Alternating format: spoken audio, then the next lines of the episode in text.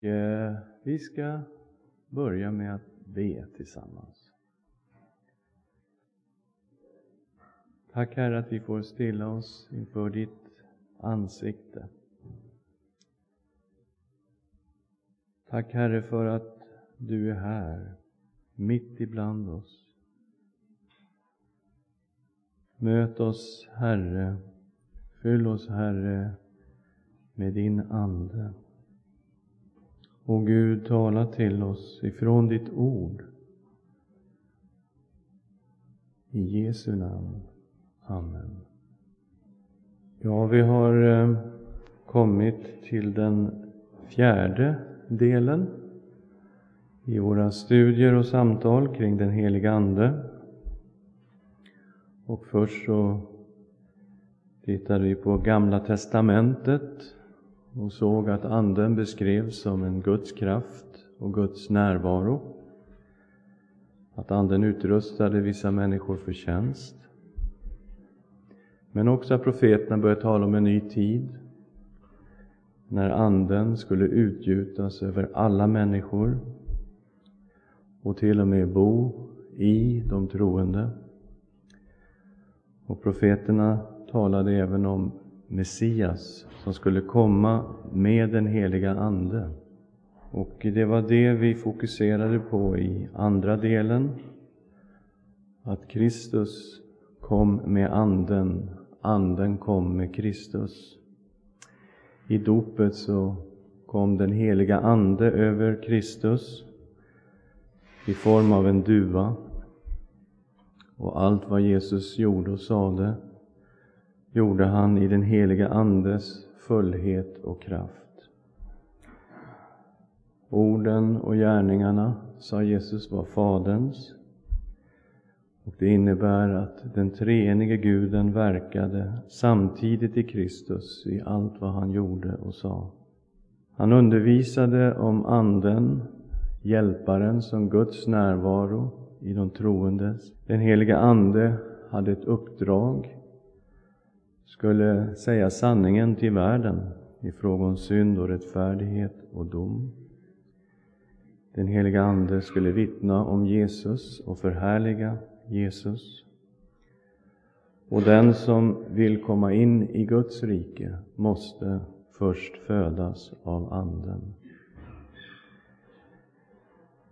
Förra gången tittade vi mer på Andens egenskaper. Ehm, och vi såg att den heliga Ande kan absolut inte bara vara en kraft. Utan den heliga Ande är Gud. Han är en person och har personliga egenskaper. Samtidigt så är Anden Guds närvaro och Guds kraft i församlingen och i varje troende. Och idag ska vi alltså tala om Andens dop. Och eh, det här är ju något som har vållat både glädje och splittring i den kristna församlingen i de senaste hundra åren. Detta med Andens dop. Vi talade om det på vägen hit, Maggan och jag, om utvecklingen i, i Svenska baptistsamfundet och pingströrelsen och ÖM och allt vad som har Eh, kan gå tillbaka mycket av splittringen i den kristna församlingen till just den här läran om Andens dop. Och I början av 1900-talet så utvecklades då en lära kring andedopet som kopplade ihop andedopet och tungotalet. Där man lärde att tungotalet var ett tecken på att den troende var andedöpt. Man lärde alltså att en människa först blir pånyttfödd i den heliga Ande när man kommer till tro och att den troende senare blir döpt i Anden när man fått tungotalet som ett tecken på att man är andedöpt. Vidare lärde man att en troende som inte blivit andedöpt och talar i tungor inte kan vara fylld av Anden. Och därför heller inte använd av Gud på ett andefyllt sätt. Ett problem med den här undervisningen var ju att den skapade ett A-lag och ett B-lag i den kristna församlingen. A-laget, de andedöpta som talar i tungor och därmed var fyllda av Anden. Och B-laget, de som inte talade i tungor och därmed inte kunde vara andedöpta eller fyllda av Anden eller använda ens på ett bra sätt av Gud. Och vi måste ju då säga att de senaste 30-40 åren så har den här läran tonats ner och nyanserats en hel del i svenska pingstkretsar. Och eh, vi ska försöka få klarhet i de här frågorna. Egentligen är den här gången och nästa gång hör ju väldigt nära ihop. Därför att nästa gång ska vi då tala om uppfyllelsen i den heliga Ande. Och idag talar vi om andedopet. Som vi ska börja med här nu då. Johannes döparen undervisade om Kristus, att han skulle komma just för att döpa i helig ande och eld. Lukas kapitel 3, vers 15 och 16. Johannes svarade dem allesammans. Jag döper er med vatten, men det kommer en som är starkare än jag, och jag är inte ens värd att knyta upp hans sandalremmar. Han ska döpa er i den helige Ande och i eld. Och vad elden står för eh, brukar vanligen förstås att det är kopplat just till att det är den helige Ande. Elden är något som bränner bort det som inte behagar Gud. Och att Anden inte bara är Anden utan är just Guds helighet hans renhet. Och det stämmer väl överens med gammaltestamentliga profetiorna om att när den helige Ande kommer över oss ska vi få Guds kraft till att lyda Gud och lyda hans ord. Johannes kapitel 1, vers 32 till 34. Johannes vittnade och sade jag såg Anden komma ner som en duva från himlen och bli kvar över honom. Jag kände honom inte, men han som sände mig att döpa i vatten, han sa till mig Den som du ser, Anden, komma ner och bli kvar över, han är den som döper i den helige Ande. Och jag har sett det och har vittnat att han är Guds son. Så Johannes budskap om Kristus är väldigt tydligt. Jag döper i vatten, men han som kommer efter mig, han ska döpa i helig Ande. Så det är ett uppdrag som Kristus har att döpa människor i den helige Ande. Kristus talade ju om Anden och undervisade om Anden. Och på några ställen så ställer han också fram villkor för att få del av Anden. Kristus kom ju för att döpa i den heliga Ande och vad ställer han själv fram för villkor för att få del av Anden som han kom för att döpa oss i? Johannes 7, 37-39. På den sista dagen, den största i högtiden, stod Jesus och ropade. Om någon törstar, så kom till mig och drick. Den som tror på mig, ur hans innersta ska strömmar av levande vatten flyta fram, som skriften säger. Detta sa han om Anden, som det som trodde på honom, som det skulle få som trodde på honom. Ty anden hade ännu inte blivit utgjuten, som Jesus ännu inte hade blivit förhärligad. Så villkor som Jesus ställer för att få del av Anden som han har kommit för att döpa i, det är att tro på honom. Det är de enda villkoren. Och Kristus bekräftar också att han är den som sänder Anden och han är den som döper i Anden.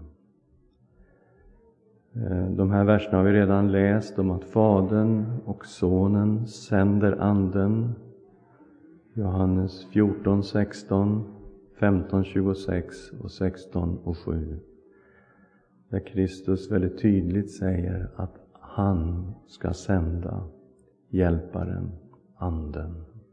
Strax innan Jesus skulle fara till härligheten får lärjungarna instruktioner av Jesus i Apostlagärningarna kapitel 1, vers 4 5.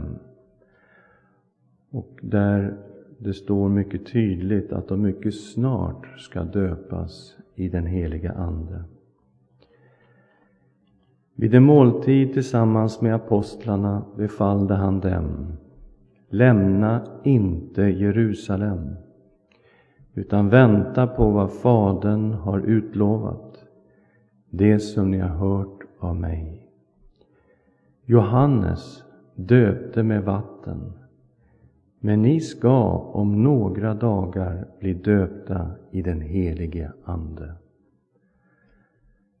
Så här är det ju oerhört tydligt att mycket snart kommer det här att gå i uppfyllelse som Johannes talade om. Johannes sa, jag döper er med vatten, men han som kommer efter mig, han ska döpa er i den helige Ande. Och eh, Jesus säger, det här kommer nu att ske, det kommer att ske om bara några dagar. Stanna kvar i Jerusalem, jag kommer att fara upp till Fadern och några verser senare så är också himmelsfärden beskriven i Apostlagärningarna 1. Och så stannar då lärjungarna kvar i Jerusalem. Och så kommer pingstdagen när lärjungarna döps i den heliga Ande. Apostlagärningarna 2, vers 1 4. När pingstdagen hade kommit var de alla samlade. Då kom plötsligt från himlen ett dån, så när en våldsam storm far fram. Och det fyllde hela huset där de satt. Tungor som av eld visade sig för dem och fördelade sig och satte sig på var och en av dem. Och de uppfylldes alla av den helige Ande och började tala främmande språk allt eftersom Anden ingav dem att tala. Och här är det ju nu ett dån som hörs som en stormvind, står det här. Och Anden är just ordet för vind och här har vi nu en manifestation som tydligen är så högljudd så att i stort sett hela Jerusalem hör hur det dånar vid ett visst ställe i Jerusalem. Och folk kommer dit och undrar, vad är det som dånar? Och lärjungarna har ju sett mer än folket. De har sett som tungor av eld som fördelar sig och sätter sig på var och en av dem. De har fått uppleva att de blir uppfyllda av Gud, av Guds ande, av den heliga Ande. Och sen kommer då det mycket märkliga när folk börjar undra vad är det som pågår här? Vi har hört att det dånar.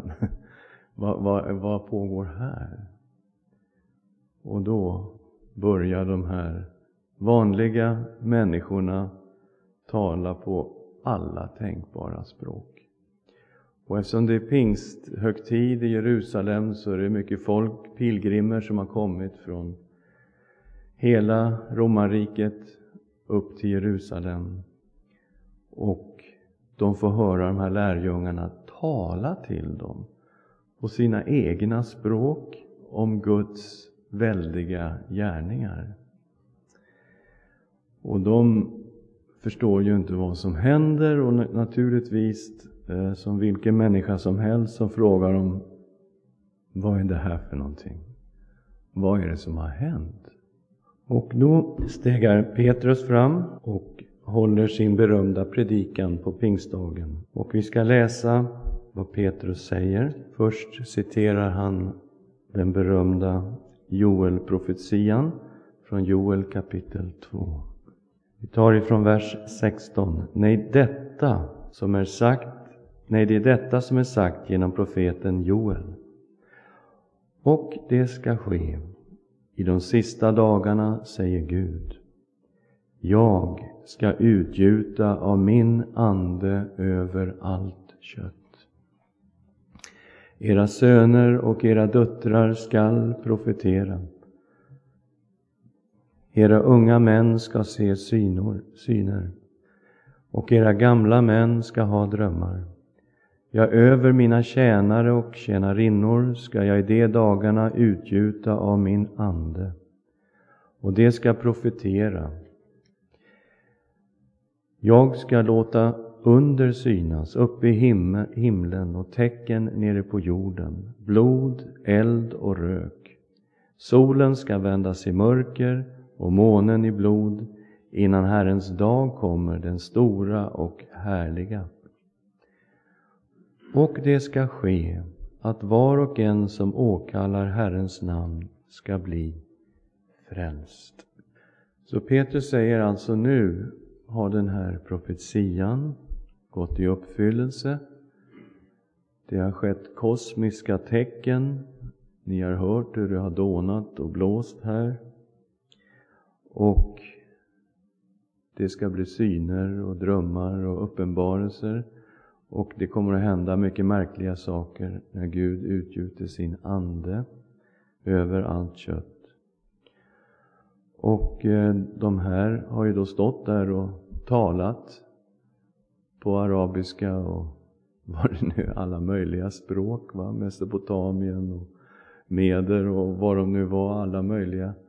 Men alla har de alltså fått höra om Guds gärningar på sitt språk. Ett oerhört tecken som har skett i Jerusalem. Och så börjar Petrus förklara vad det är som har hänt och hur de också kan få del av Anden som Gud har utgjutit över allt kött. Och han utgår ifrån den sista versen som man ser som en sorts eh, förklaring och som man ser som en förutsättning för att få del av Anden. Men var och en som åkallar Herrens namn ska bli räddad. Och så tycker man att han missar hela poängen, men Petrus, du skulle ju förklara andedopet. Varför talar du bara om Jesus hela tiden? Han sätter igång då och börjar prata om Jesus, om under och tecken som Jesus har gjort, att han har gått ibland dem och predikat, att de har korsfäst honom. Talar bara om Jesus. Och sen då så kommer han till uppståndelsen och visar från gamla testamentliga texter att Messias, han skulle uppstå ifrån de döda. Och så kommer han till nästa steg, vers 34 till 36. Fortfarande bara talar han om Jesus för att förklara vad som händer på pingstdagen. Ty David har inte farit upp till himlen, men han säger Herren sa till min Herre Sätt dig på min högra sida tills jag har lagt dina fiender som en fotapall under dina fötter. Därför ska hela Israels folk veta att denne Jesus som ni korsfäste, honom har Gud gjort till både Herre och Messias. Det här är inte så intressanta ord i Husbykyrkan 2004, men jag kan lova er, i Jerusalem år 33, då var det här dynamit. Jesus är Messias och knyter an till en lång, lång, lång, lång, lång rad av profetior om Kristus i Gamla Testamentet. Men mer än så, han är Herre. Han är Kyrios. Och det är alltså det samma grekiska ord som det står i vers 21. Var en som åkallar Herrens namn ska bli frälst. I hebreiskan står det ju Jahve, men i grekiskan står det Kyrios. Så Jesus Kristus är Messias och han är Herre. Och denne Herren, Jesus, har utgjutit Anden. Kapitel 2 och vers 33. Sedan han nu genom Guds högra hand har blivit upphöjd och av Fadern tagit emot den utlovade helige Ande har han utgjutit detta som ni ser och hör. Jesus är Herre och han som är Herre har utgjutit Anden. Koppla det till Joel-profetian, vers 17. Och det ska ske i de sista dagarna, säger Gud. Jag skall utgjuta min ande över allt kött. Jesus är Herren. Jesus har utgjutit Anden. Och det är det som har hänt här på pingstdagen. Var och en som åkallar Herrens namn ska bli räddad. Okej, okay. var och en som åkallar Herren Jesu namn ska bli räddad. Och vi läser då vers 37 till 39.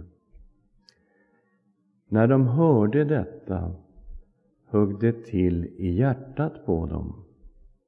Och de frågade Petrus och de andra apostlarna, bröder, vad ska vi göra? Petrus svarade dem, omvänd er och låter alla döpas i Jesu Kristi namn. Så skall era synder bli förlåtna. Då ska ni få den helige Ande som gåva. Ty er gäller löftet och era barn och alla dem som är långt borta, så många som Herren vår Gud kallar. Jesus är Herre. Alla som åkallar Herrens namn ska bli frälsta. Alltså, omvänd er och låter alla döpas i Jesu Kristi namn, han som är Herren. Då får ni förlåtelse för era synder och ni får Anden som gåva. Har Petrus gjort ett jättedåligt jobb i att förklara andedopets mysterium? Nej.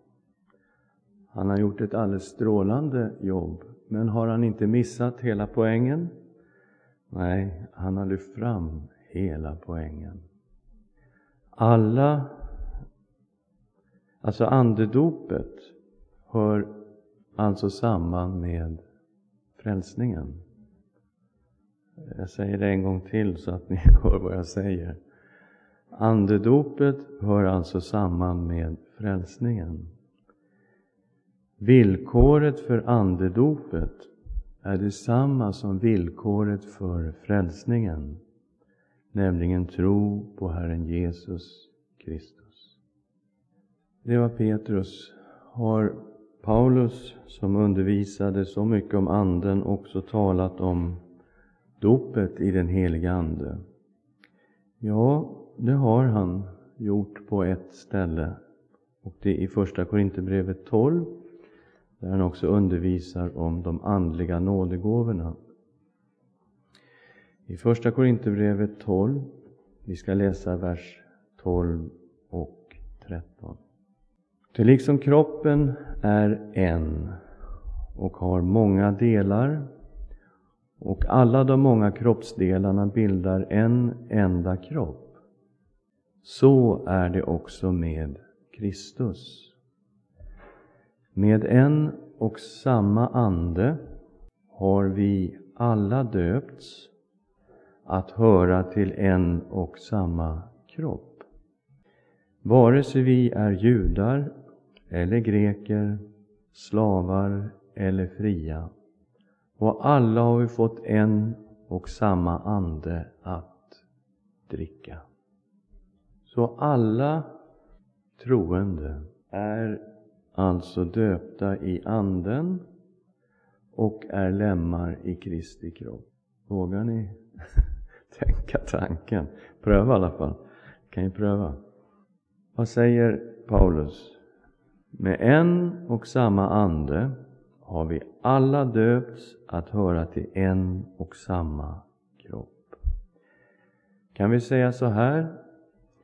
Alla lemmar i Kristi kropp är döpta i Anden. Jag tror att man kan säga så.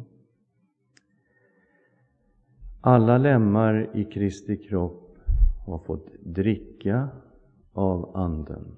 Och nu är vi inne på Jesu egen, eget sätt att undervisa om Anden. Han talar till den samariska kvinnan. Den som dricker av det här vattnet blir törstig igen. Men den som dricker av det vatten jag ger ska aldrig någonsin törsta. Utan det vatten blir i honom en källa som springer fram, springer upp med evigt liv. Om någon törstar så kommer han till mig och dricker. Den som tror på mig, ur hans innersta ska strömmar av levande vatten flyta fram, som skriften säger. Detta sa han om anden, vilka det som trodde på honom skulle undfå.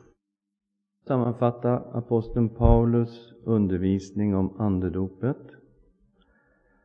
Alla som är lemmar i Kristi kropp är döpta i Anden.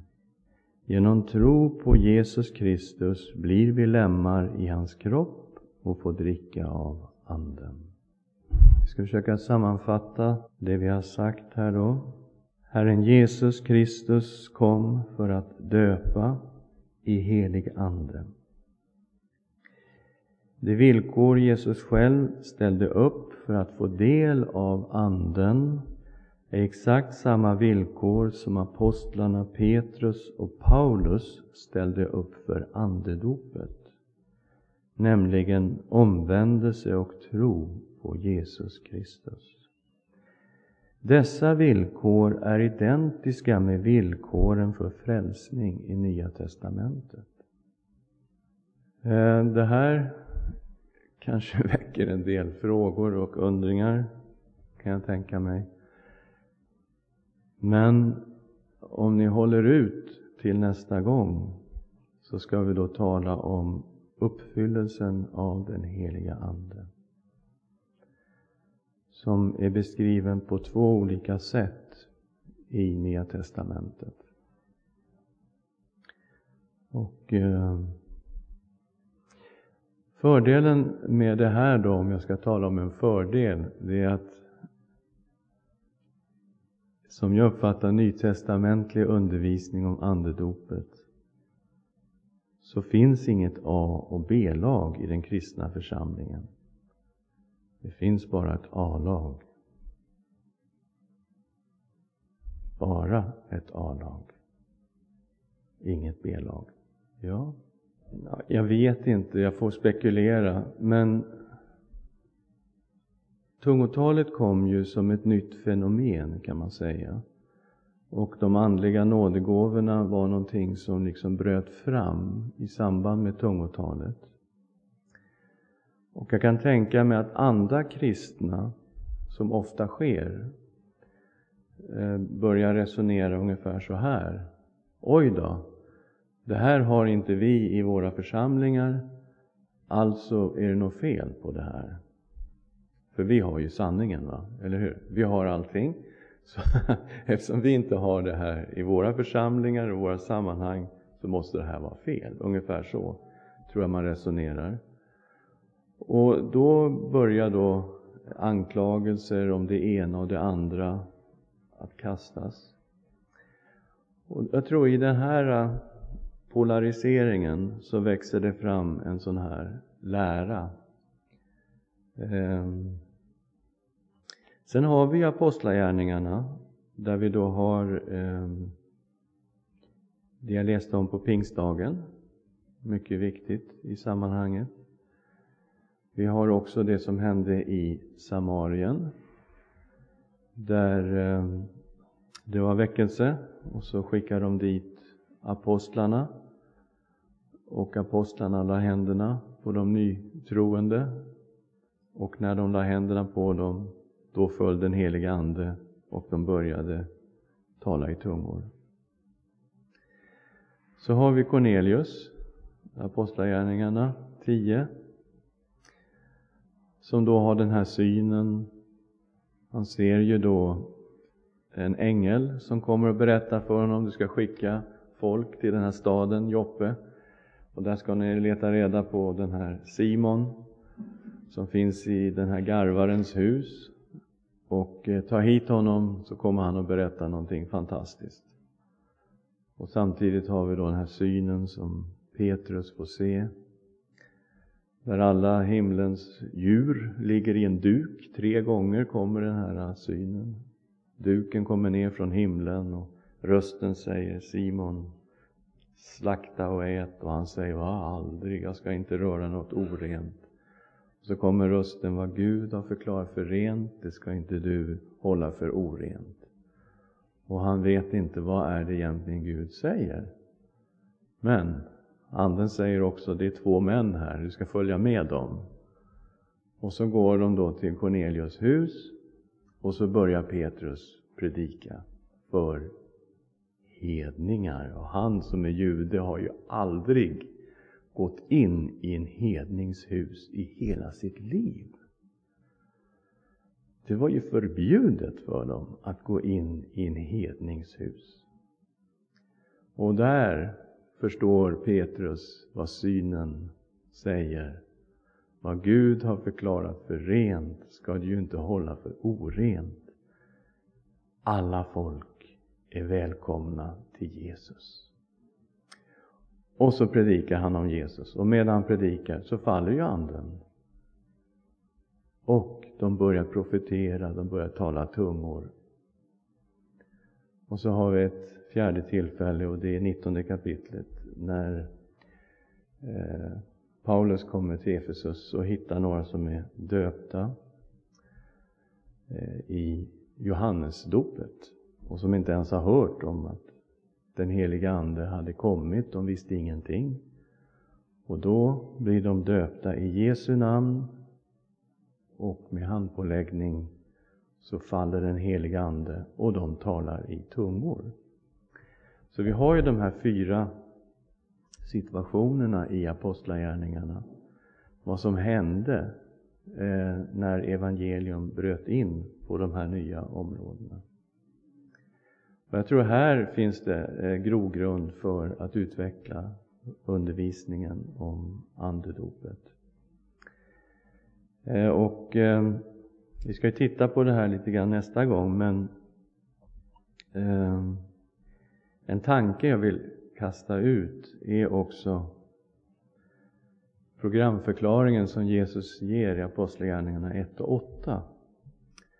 När den helige Ande kommer över er ska ni få kraft och bli mina vittnen i Jerusalem, Judeen, Samarien och till jordens yttersta gräns.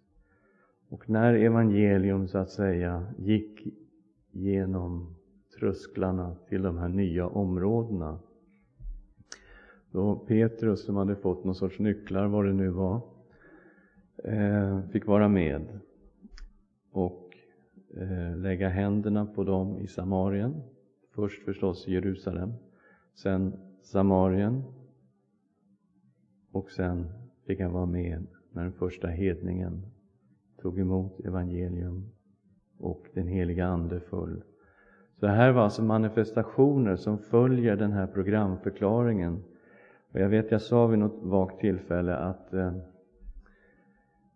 hela Apostlagärningarna kan läsas in i 1 och 8.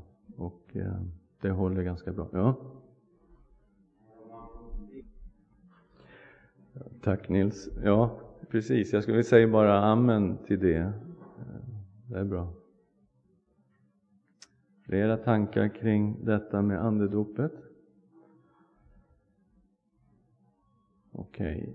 Okay. Även om vi då, eh, jag vet inte om ni accepterar den här undervisningen, ni får ta den för vad den är och jag tycker ni ska gå hem och studera skrifterna om ni har en annan åsikt och ni får hemskt gärna komma till mig och förklara varför ni i så fall har en annan åsikt om eh, andedopet. Men vi kan enas om, tror jag, vare sig vi tror på A eller B-laget eller bara A-laget, eh, så behöver vi den heliga Ande och vi behöver uppfyllas av den heliga Ande och vi bejakar alla Andens gåvor. Varenda en. Det kan vi väl vara överens om? Ja? Mm. Jo då, det, det ligger det ligger säkert mycket i det att det var en väldigt speciell situation.